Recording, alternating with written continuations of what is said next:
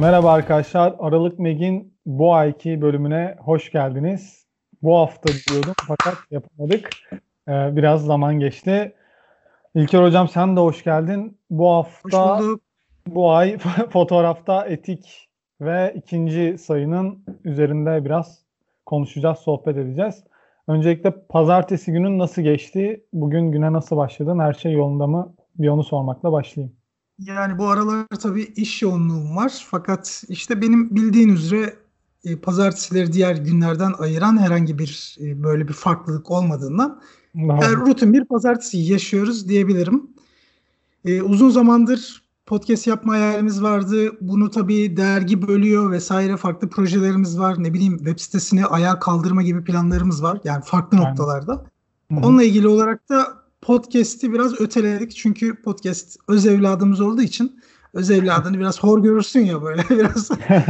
yani oysa hakikaten ihmal ettik. Burada bizi takip eden insanlar var. Çünkü podcast dinlenme sayılarımıza baktığımızda e, ivmeli bir şekilde artış gösteriyor. Artıyor. Hı hı. Buradan bize ulaşan podcast ilgili fikirlerini yazan ne bileyim o dinlenme sayısında artı bir olan herkese teşekkürlerimizi iletiyoruz Çok ve bu geç kalmamız için de bir özürü e, gönderiyoruz size. Evet. Şimdi neler yaptık bu süreçte tabii dergiyle ilgilendik ondan konuşalım ama e, esas Hı-hı. olarak bizim sokak fotoğrafında özellikle e, aynı mesleğe paylaştığımız ya da aynı alana gönül verdiğimiz insanlarla birlikte böyle Hı-hı. bazen küçük sistemler senle de konuşuyoruz. E, bu tabii fotoğrafta etik başlığında topla, toplayacağız bunları. Aynen. O konuya bir giriş yapacağız. Ama yine burada altını çizeceğim önemli bir nokta var. E, etik değerler ya da ahlak değerleri felsefenin başlığını oluşturduğu için e, bir bilimsel nitelik taşınmaz ya da burada yol gösterici değildir. Burada tabii ki biz kendi sistemlerimizi dile getireceğiz. Olur da kavramları yanlış kullanma ihtimalimize karşı şimdiden bu bilimin mensuplarından da özür dileyelim. Bayağı bir özür dileye dileye başladık yani. Aynen. bu sefer böyle bir yani, giriş oldu. Çünkü olay böyledir biliyor musun? Yani senin ekonomiye bakışınla benim ekonomiye bakışım farklı. Çünkü ben bu işi bilimsel olarak yani eğitimini aldım. Yani, yani ne bileyim şey gibi hani ısıyla sıcaklık farklı anlamlandırdı yani anlamdadır. Ama bunu nedir? İşte bir fizikçi tak diye ısı şudur falan gibi bir tanım yapar. Burada da çünkü belli ki sıçacağız. Yani benim hissettiğim o. o yüzden şimdiden özür dilemek güzel olur yani. Tabii genelde doğaçlama yaptığımız için e, o yüzden hatalarımız olabiliyor. Şimdiden kusura bakmayın diyoruz. Tabii tabii. Ya olsun zaten hatalar insanı geliştirir. Aynen kesinlikle. Bisiklete binerken düşmeden bisiklet sürmeyi öğrenemezsin. Yürürken Geçen... emeklemeden ya da dizlerini kanatmadan yürüyemezsin yani. Öyle bir yani. şey. Yani geçen şeyde bile konuştuk. Ha? Yani ilk yaptığımız podcast'le hani son geldiği nokta arasındaki farkı onu bile konuşuyorduk. Hep hatalarla geliştirmeye çalışıyoruz. Öyle söyleyeyim. Tabii. Hatalarla yaşıyoruz. Hatalarla evet. da yaşayacağız. Bu insanoğlunun zaten yani en güzel olayı. Ya bazen gelişimler kümülatif oluyor. Yani burada ahlaki değerlerden bahsedeceğimiz için burada bir kümülatif de bir şey demek. Birikerek ilerlemek. Yani Aynen. ilk günkü bir hata, sonraki bir hata, bir hata düzeltmesi falan derken günümüze bir aslında doğduğunda bir paketle doğuyorsun. Bu da senin ahlakını, e, ahlaki normlarını oluşturuyor. Aslında ne bileyim işte ergenlik döneminde bazen e, bocalıyorsun. Bu benim doğrum değil işte falan filan diyorsun işte yere çöpünü atıyorsun. Ama ne oluyor? Toplum seni bir şekilde o ahlaki normlar e, yoluna sokuyor. Evet o çerçeveye yani, giriyorsun. Kabul etmek zorundasın diyor yani. Çünkü sen Doğru. bir şekilde işte Kadir Köymen deyimiyle bir sistemin içine doğuyorsun. Bir şehir sistemin içine doğuyorsun. Yalnız başına doğmuyorsun. Kesinlikle. Bununla ilgili şimdi etik konusuna gelecek olursak etik tabi şeyden geliyor. E, bu benim aldığım notlarda Yunanca'da etos diye bir kelime kökünden geliyor. Bu da e, karakter anlamına geliyor. E, etos deyimimiz karakter anlamına geliyor. E bu ne demek? Aslında başta kendimiz olmak üzere çevremiz ve habitatı bir şekilde e, doğru yorumlamamız anlamına geliyor. Aynen. Doğru. Ve biz bunu tabii biraz daha özelleştirip fotoğrafçılık başlığında inceleyeceğiz. Senin aldığın notlarda neler var? Mesela biraz da Oradan gidelim. Yani ben dediğim gibi çok fazla not almadım ama istersen şeyden başlayalım. Hani beraber fotoğraf çekmeye çıktığımızda e, ki iki kişinin üstüne çok çıkmamaya çalışıyoruz. Genelde in, bence hani insanlara da önerimiz bu yönde. Çok kalabalık olduğunda sanki e, siz olamıyormuşsunuz gibi geliyor bana. Öyle söyleyeyim. Yani burada ama şu var. Şimdi insanlar fotoğraf eğitimleri aldıktan sonra bir çullanma durumu var ya böyle şehrin içinde görürsün bir güruh böyle 30 kişi fotoğraf makineleriyle gider. Aynen. İşte ön, bir tane öncülleri vardır. Buna hoca derler. İşte hoca bilmiyorum ben eğitim almadığım için çok işin detaylarını bilmiyorum ama Hı-hı. hoca der ki bakın burada size ne anlatmıştım? İşte portre. Portre nedir? İşte iki omuz, baş, işte dörde bölün falan böyle dokuz kareden Hı-hı. işte başı şuraya yaslayın falan. Sonra bir bakarsın o 30 tane adam orada o kişinin portresini çeker. Ne oldu abi? Portre çalıştık. Ya da içlerinden bir tanesi çekmediğinde ne olur biliyor musun? Aa senin portre yok mu? E biz oradan geçerken hoca portre demişti onu çekecektik. Falan gibi böyle. hani şey olur. E, bu adamlar eğitim sonrası nasıl olur?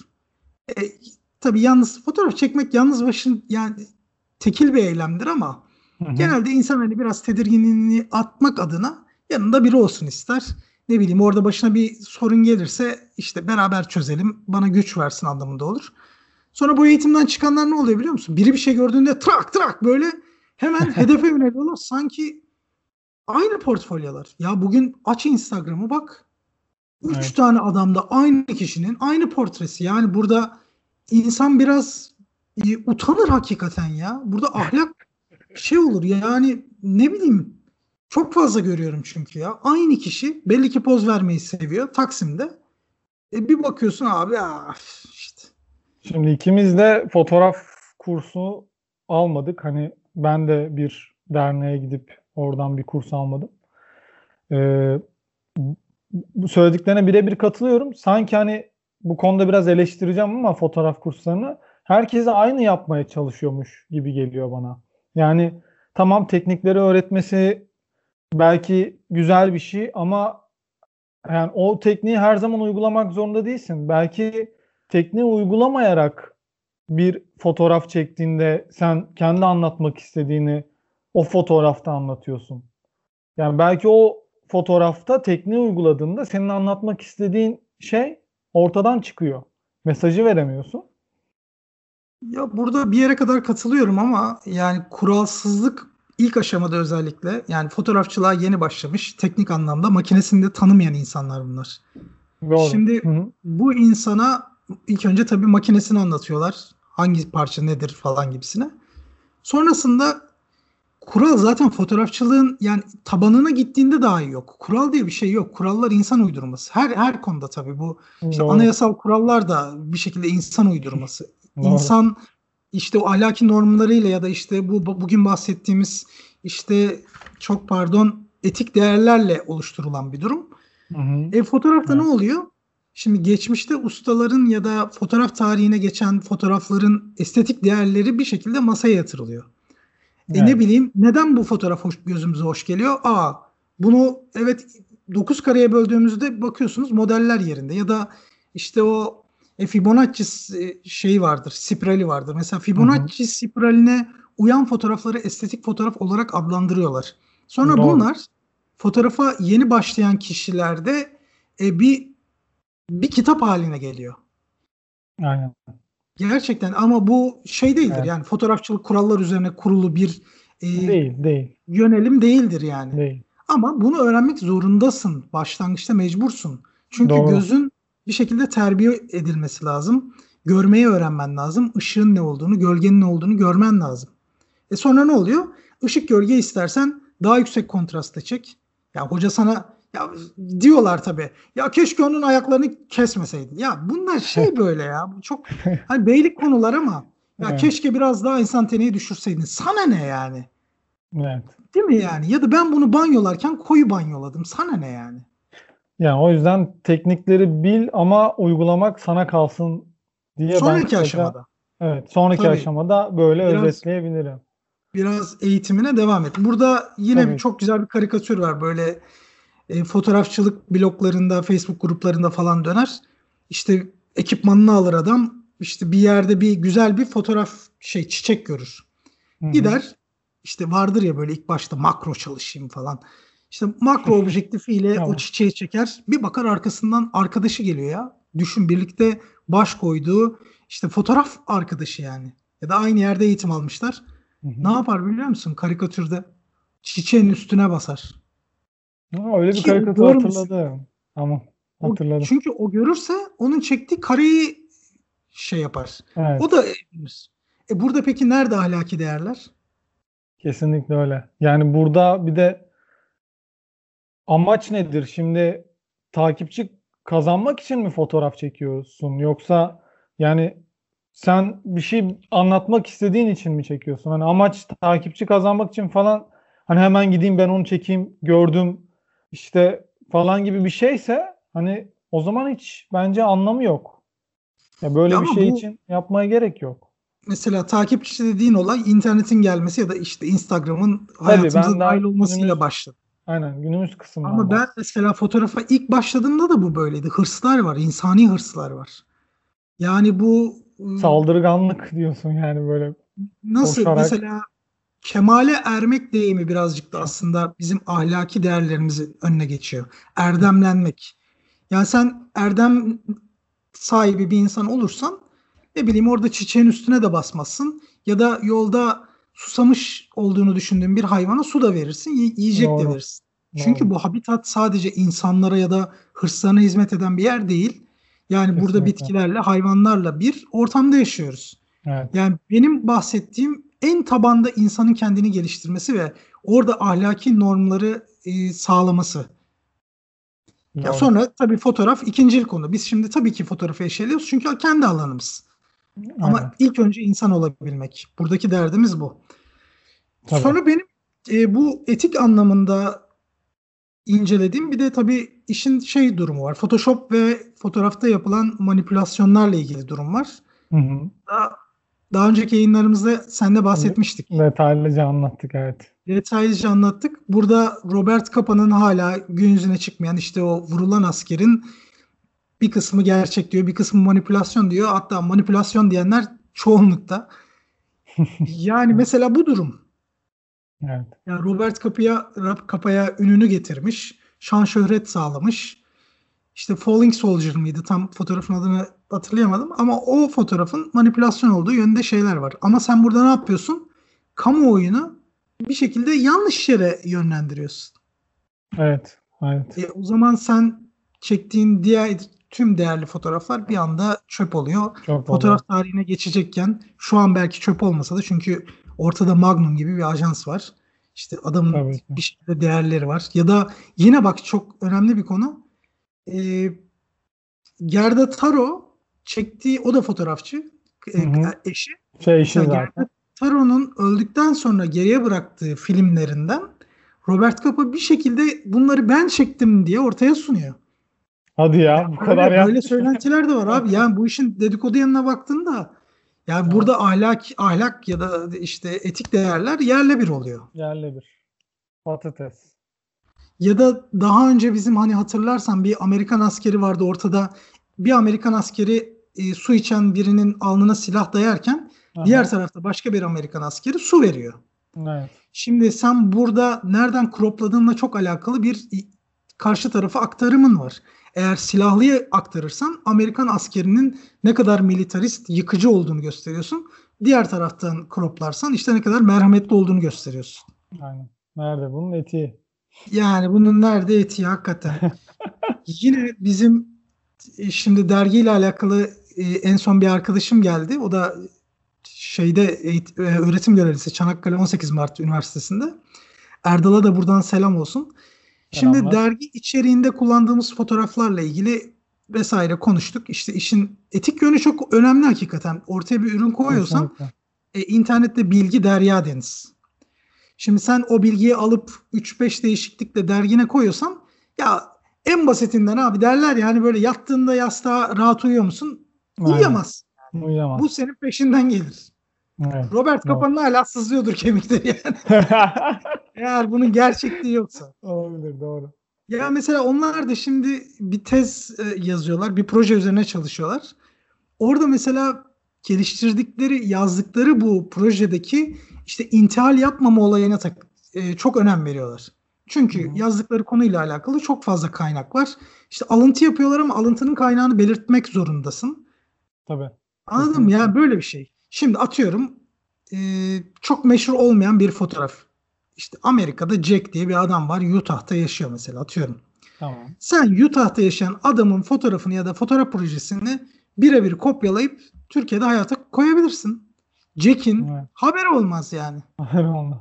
Değil mi? Ya da dergide evet. atıyorum küçücük bir fotoğrafını kullanabilirsin. Jack'in nereden haber olacak sana dava mı açacak? Uluslararası evet. boyuta mı taşıyacak yani? Ama burada tabii biz dergiyi özellikle hayata koyarken fotoğrafların Hı-hı. kaynağını belirtiyoruz. E, ondan sonra daha lisansı e, public olan fotoğrafları kullanmaya çalışıyoruz. Burada evet. Unsplash fotoğrafları da ilk sayıda kullandık. İkinci sayıda kullanmadık. Aynen. Pardon bir tane kullandık. O da sanat köşesinde açılış sayfasını. Hı hı. Yani bu tip değerler var tabi. Bunlara Doğru. dikkat etmek zorundayız. Kaynak göstermek bence de her zaman zaten bir yazı yazarken de yani e, yapılması gereken bir şey olduğunu düşünüyorum. Çünkü orada diğer kişinin emeğine bir saygısızlık oluyor. Yani orada bir emeği hor görme olduğunu düşünüyorum ben. O yüzden her zaman kaynak belirtilmeli. Ama bu sanatta çok fazla. Kesinlikle yani. yani. Özellikle sanatta ne bileyim işte Orhan Pamuk'ta yaşadığı işte Berlin bir dizi film vardı hatta Berlin Kaplanı mı ne? Ondan sonra biri çıktı Erkin Koray mı? Yok ya Erkin Koray değil. Ferdi Tayfur. Dedi ki Hı-hı. o senaryo benim. Ya böyle inteller oluyor ama Hı-hı. esinlenmek başka bir şey. Yani konuyu o alıp harmanlayıp kendi süzgecinden geçirip yazmak başka bir şey ya da projelendirmek. Hı hı. Ama birebir yaparsan bu artık terbiyesizlik yani. İntihal dediğimiz olayda bu çok fazla oluyor. Evet. Ressamdan ressamlardan örnek vereyim. Mesela hani yeni de kitabı okuduğum için oradan aklıma geldi.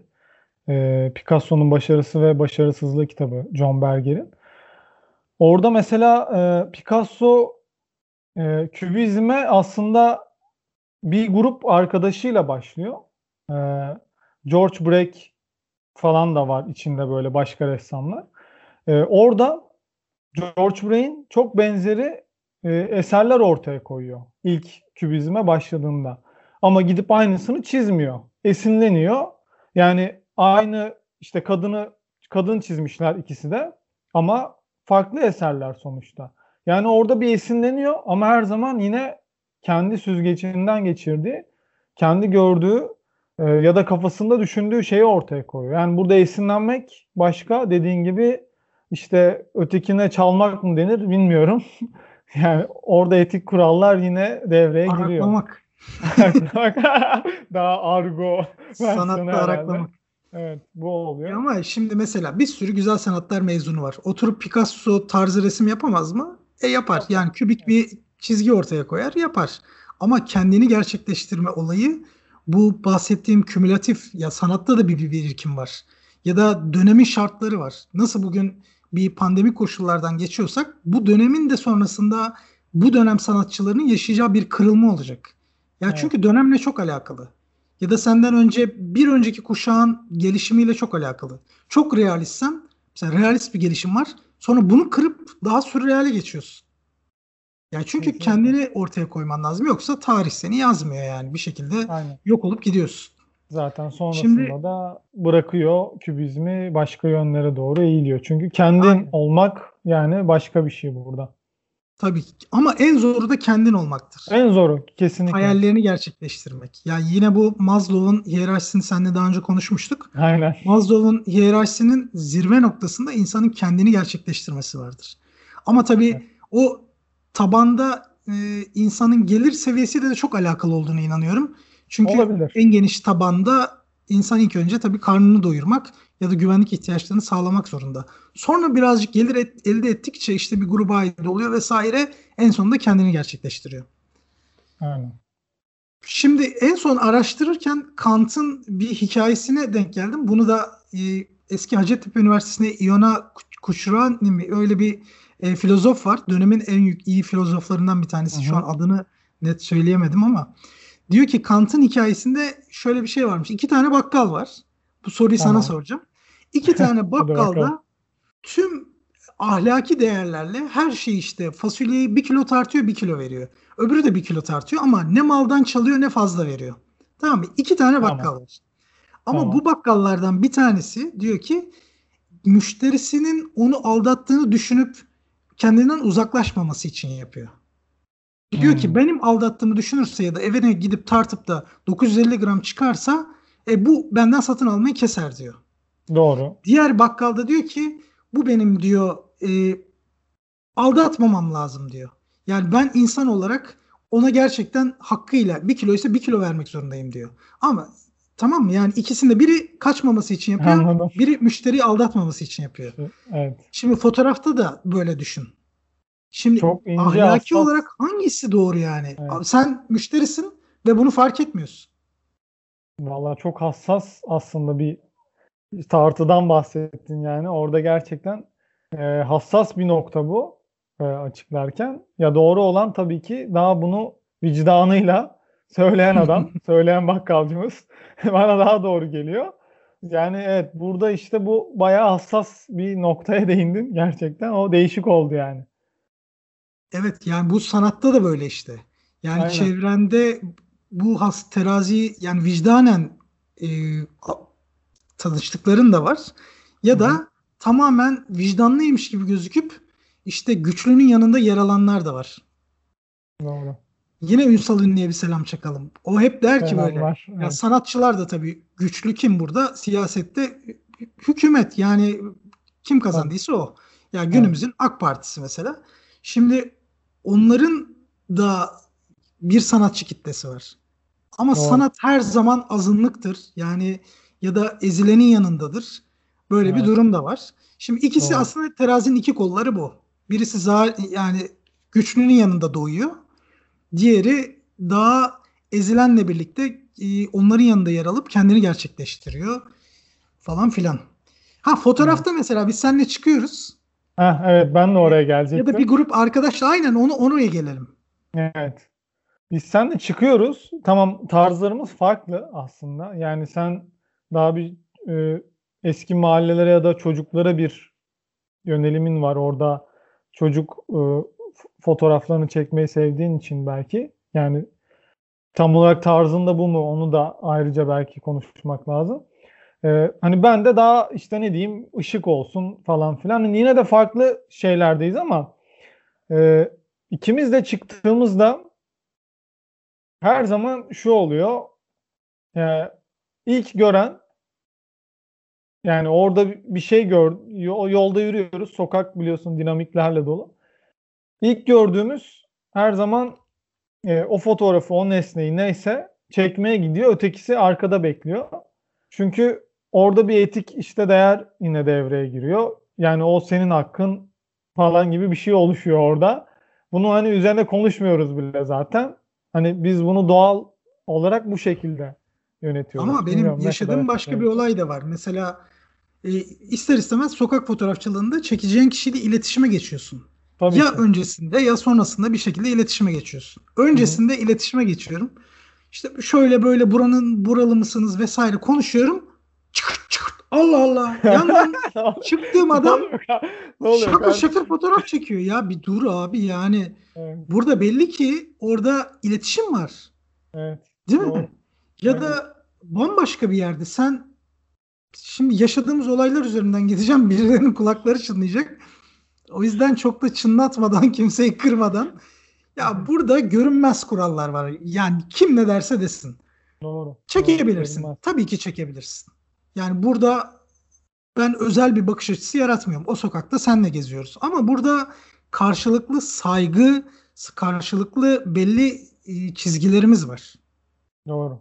Bir de Ama, ben bana ait hissetmiyorum ki o senin gördüğün şeyi e, sen gidip çekerken benim yanımda olup aynı şeyi çekiyor olduğum zaman ben o fotoğrafı bana ait hissetmiyorum. Ya kendimde bir parça bulamıyorum ben o fotoğrafta. Yani o yüzden çeksem bile iki gün sonra siliyorum ya da paylaşmıyorum. Öyle bir bakış açısı oluşuyor bende. Öyle söyleyebilirim. Ya tabii o, o bambaşka bir konusu ama burada ikimizin e, şimdi ben sana bu konuda her zaman hani Oğuzhan'ın ahlaki özellikle fotoğraf alanındaki değerleri bence çok yüksek. Ya fotoğrafa yeni başlamış biri olabilirsin ama 40 evet. senedir bu alanda uğraşan birine böyle hadi oradan diyebilirsin yani çok rahat söylüyorum. Çünkü senle de çıktık, 3 kişi de 4 kişi de çıktık. Gerçekten orada senin hassasiyetini çok net anlıyorum. Teşekkürler. Ben de seni anlıyorum. Şöyle bir şey de var. Birbirimize bazen şey yapıyoruz hani e, destek olmak açısından bu yaptığımız aslında. Yani yürürken abi bak bu tam senin tarzın. Aynen aynen. Çeksene falan diye ama o tamamen destek olmak açısından olan ve bunu da çok abartmıyoruz. Yani burada da bir şey var. Çünkü ben seninle sürekli çıksam ve sen sürekli bana müdahale edip abi işte bak onu çek, bunu çek, şunu çek falan diye mesela. Öyle mi çekilir? bak biraz daha dikine kaldır, öyle çek. İşte yatay çek falan. Hani bunu da yapmıyoruz. Çünkü e, orada orada da yine bir birbirimize olan saygıdan kaynaklı bir şey ama tabii ki her zaman destek olmaya da çalışıyoruz olabildiğince. Tabii tabii. Yok biz bunu artık bu etik değerleri şu, şöyle bir şey var. İnsanlar eminim ki bu podcast'i dinlerken buraya kadar geldiyse çok sıkıldığınızın farkındayım yani. Çünkü fotoğraf çekme üzerine bu kadar da konuşulur mu? Bazı öyle ya. Abi bu konu konuşulur mu? Basıyorsun çekiyorsun. Ya da o cep telefonu kafası var ya basıyorsun çekiyorsun abi neyi konuşuyorsun? Ama burada bizi anlayacak 3-5 kişi bize yeterli. Buraya kadar gelip dinleyen, bu konu üzerine kafa yoran. Çünkü Aynen. eminim ki doğru yerlere gidecek, doğru mesajlar alacak kişiler var. Bizim için e, özellikle bu yayını yapmamızın nedeni rating de kaybettirecek olsa bu konuyu biz konuşa konuşa insanların kafasında yer edit ettireceğiz. Evet, evet. Çünkü Doğru. konuşulmuyor ya. İnsanlar sokağa çıkıyor fotoğraf çekiyor. Aynı karelerle eve dönüyorlar. Ya arkadaş el insaf ya. Şimdi analogla uğraştığımız için şimdi analog fotoğrafta o kadar şansın yok. Ben her gördüğümü çekemiyorum. Peki, ya da çekeceğim her kare için doğru şartları, doğru e, timingi beklemek zorundayım. E, tabii. Salıncak sallanıyor. Atıyorum en son çektiğim o Finding Momo serisi. Hı-hı. Salıncak sallanıyor ama o çocuğun da kadraja girmesi açısından mecburen onu doğru zamanda basman gerekiyor. Tabii. Karar evet. diyoruz ve Karar şey yapıyoruz yani. ve sonra bir gönderme yapıyoruz. Çünkü abi dijitalde olsa orada seri al, ara, eve gittiğinde bir tane fotoğrafı çek. Wow, Instagram'da beğeni yağmuruna tutul. Abi Aynen öyle değil ki. Öyle bir şey değil bu. Bir de yani işte abi, dijital olan hemen eve gidiyor, heyecanlı falan böyle takıyor bilmem ne, hemen aktarıyor zartut. Ama analogta belki tabii. daha 36 kareyi bitiremedin yani daha haftaya belki tekrar çıkman gerekecek. Ee, belki Hı. bir ay sonra anca vakit bulup banyolayabileceksin ya da kendisi banyolayamayan arkadaşlar işte e, diğer e, firmalara ya da başka şehirlere göndermek durumunda kalacaklar. Tabii çok yani uzun soluklu çok, bir proses. Evet, çok uzun soluklu. Yani çok basit. Bugün Hüseyin e, bizim Leica grubuna attı. Pozitif diye film bir tane pozitif diye film 170 TL. Vay. Bir tane. İnanabiliyor musun? Yani Çok analog dünyanın en kaliteli ürünü diye filmler. Evet. 10 tane aldın arşiv yapayım. Hani şey yapayım bir yere gideceğim fotoğraf filmi alayım dedin. 10 tane 1700 lira. Evet. Babam ne yaptın ya? Ne yaptın hakikaten Abi öyle. Bu sefer ne oluyor? Genç öğrenci arkadaşlarımız renkli alıp sadece renkli fotoğraf Yani bayata yöneliyorlar ama orada da tabii evet. başka bir durum var. Bayat film hiçbir zaman ne renkleri doğru veriyor ne tatmin oluyorsun. Tamam fantastik bir proje ortaya koyuyorsan ya mantıklı Değişik ya da film şey makineni deniyorsan mantıklı ama yani taze filmden şaşmayın. 5 lira fazla verin. Fuji C200 alın. Gerçekten e, e, mesela Erhan vardır. Erhan Erbelger. E, hem Hı. gitarist bir şeyde Flapper Swing diye bir grupta. Son Hı. dönem e, mesela analog fotoğrafa geçti. C200 kullanıyor. Erhan'ın mesela girin fotoğraflarına bakın. Yani inanılmaz bir hale geldi. Yani sadece bu Instagram'daki o kalitesiz akıştan yani hani Instagram kaliteyi düşürdüğü için fotoğraftan çok net anlayamayacaksınız ama evet. dijitalle aralarındaki bir farklılığa bakın gerçekten dağlar kadar fark oluşmaya başlıyor. Durum Doğru. böyle. Filmde taze kullanmak çok önemli. Kesinlikle. Hadi dergimize gelelim. Şimdi dergiye geçelim. Şimdi bu sayı totem ve tabu üzerinde yoğunlaştık. Ee, ve bence güzel bir konu oldu. Anlaması zor bir konu açıkçası. Fot gelen fotoğraflardan da az çok anlayabildik ama yine e, ben çok güzel fotoğraflar geldiğini düşünüyorum. E, şimdiden teşekkür ederim. Yine bir sonraki sayıda da gelecektir. Bu sayıda da ben teşekkür ederim fotoğraflarını gönderen arkadaşlara.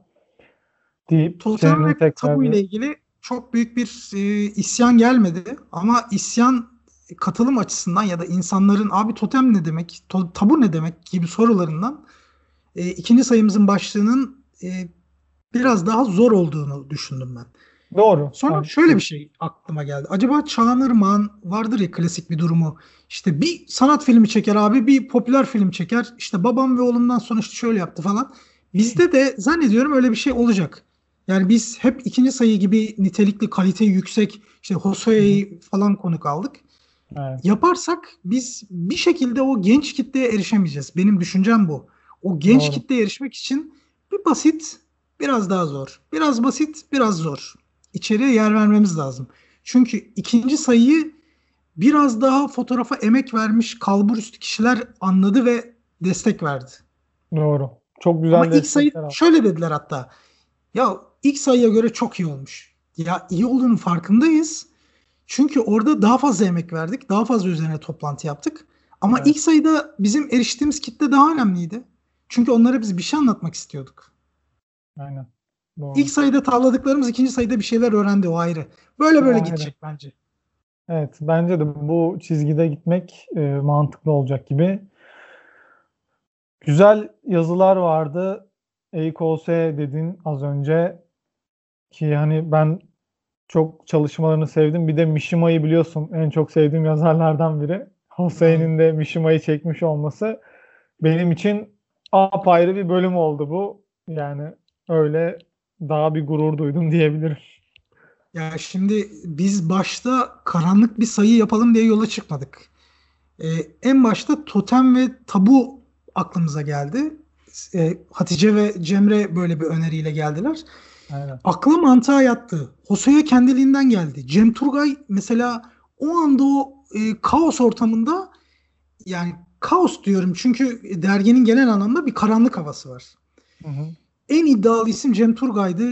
Nokta atışı bir röportaj oldu Kesinlikle. biliyor musun? Yani Cem Turgay e, böyle bizim en büyük şanslarımızdan bir tanesi oldu. Çok iyi sorulara cevap vermiş. Yani her biri böyle tokat niteliğinde dediğimiz. ya biz biz tokat yemiş gibi olduk. Genç evet. nesil umarım yani o ince mesajlardan bir şeyler alır. Çok çok önemli bir röportaj. Bence ee, de. Onun yani haricinde Teşekkür mesela, ediyoruz Cem Turba'ya da destekleri için. Ya inanılmaz yani hakikaten hala gelişim devam ediyor. Instagram'dan takibi bırakmadık. Ne bileyim işte bütün dergi yazarlarımız olarak Cem Turgay fanatiği olduk. bir de mesela e, Totem ve Tabu'ya gelen fotoğraflardan yaptığım seçkide de çok iyi fotoğraflar vardı. Çok iyi. Evet, mesela evet. Tamer abi, Tamer Bayri olsun ne bileyim Thomas. Ha bu arada şey öğrendim. E, Thomas açılış ekranında var ya Totem ve Tabu'nun. Evet. Bu bir önce bahsettiğim Erhan Erbelger'le aynı grupta Flapper Swing'de çalıyormuş. Aa öyle Sonra mi? Sonra da öğrendim. Aynen. Çok İkisi de gitarist. Birliktelik. Süper. Hakikaten. İkisi de fotoğrafla evet. ilgileniyormuş ama o Thomas biraz daha tabii Farklı underground işlerde bas evet. analog fotoğrafla ilgileniyor.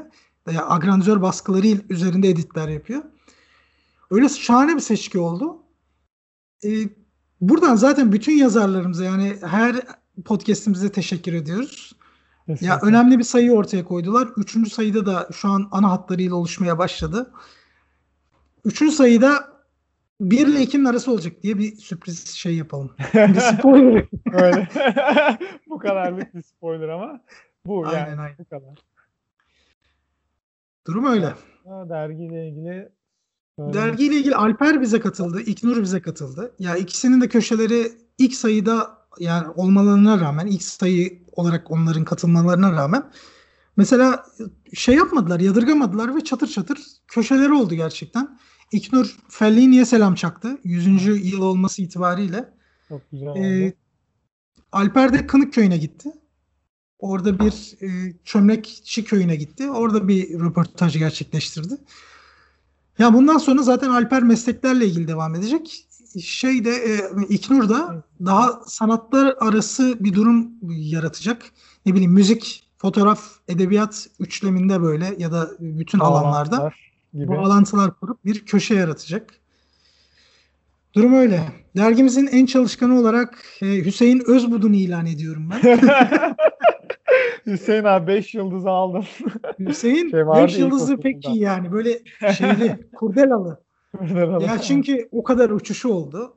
E, ona rağmen hem Hosei'yi aradan çıkarttı. Hosei'de çünkü kaynak yoktu. Kendi deyimiyle Japoncayı öğrendim dedi. Evet, işte evet, diğer yandan evet. Son dakika böyle abi nasıl olacak falan derken işte fotoğraf makinesi incelemesi Nikon F3'ü ortaya koydu. Ben Nikon F3 siparişi verdim Hüseyin yüzünden. Tam biraz zararlı oldu ama Yarın bakalım kadrosu gelecek. O Bugün kadar konuştuk. yazdı ki diyorsun şey oldum diyorsun ha. Abi İster istemez heveslendim. Işte uzaya gitti bilmem ne yaptı yok işte ilk aydaki çekimler onunla yapıldı. Özel ya özel dayanıklı bir mekanizma. Bir de e, Leica kullanan adamların da böyle gönlünde ufak ufak Nikon F3 olduğunu hissettim ben. Çünkü dayanıklı bir şey. İşte vizör boyutu biraz daha büyük falan. Bakalım siparişi verdik. Onunla ilgili de belki YouTube'da bir inceleme falan da yapabiliriz. Tabii Hüseyin'le birlikte yapmamız lazım. birlikte tabii ki. olarak. Durum öyle yani. Bugün Durum başka öyle. çıktık. Senle aslında çok da bahsetmediğimiz böyle e, konu dışında bir şeye de girebiliriz. Mesela en son Bursa'yı gezdik. Pandemik koşullar hatta sen haritaya baktın kıpkırmızıydı falan. Yani ya tabii zorluk var çünkü. Çok zor. Ee, artık biliyorsun ki e, çember daralıyor. Yani en yakınlarımızdan duymaya başlıyoruz ve e, aynen yani yayılmaya devam ediyor azalmadan artarak devam ediyor. E, tabii bizim için e, hatırlarsan ilk başlarını hatırla hiç dışarı çıkmıyorduk ve tabii. hani bunun doğru olduğunu düşünüyorduk. Hala daha doğru. Ama şimdi arada bir nefes almak adına kendi hobimizi e, sevdiğimiz şeyi diyeyim gerçekleştirmek adına yapıyoruz ve e, gittiğimiz yerlerde evet Bursa'nın daha e, nüfus olarak yoğun olduğu yerler olduğu için ki zaten hani nüfusun yoğun olduğu yerlerde artarak devam ettiğinden e, çekiniyorum. Yani işte bakkala bile geçen giremedim. Çıktık biliyorsun.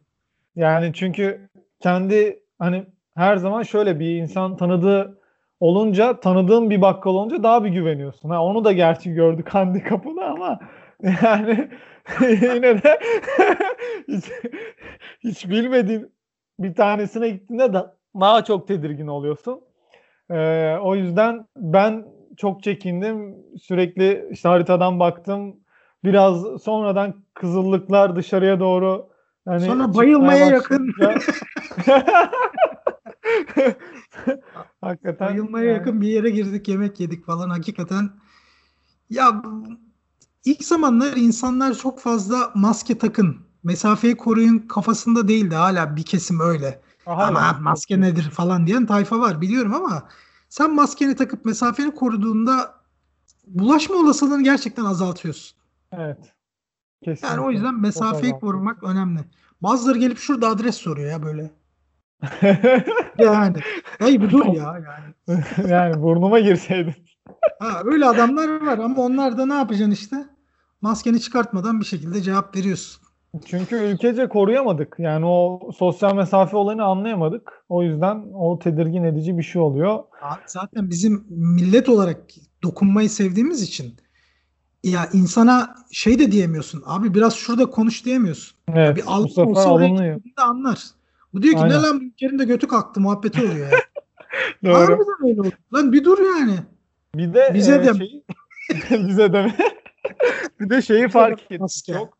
Ee, daha böyle e, çarpık kentleşmenin olduğu e, yerlerde farkındaysan makinamızı gördüklerinde abi işte basından mısın ya da e, gazeteden mi geliyorsun ya da işte kentsel dönüşüm projesi için mi geldiniz diye onları da çok duyuyoruz.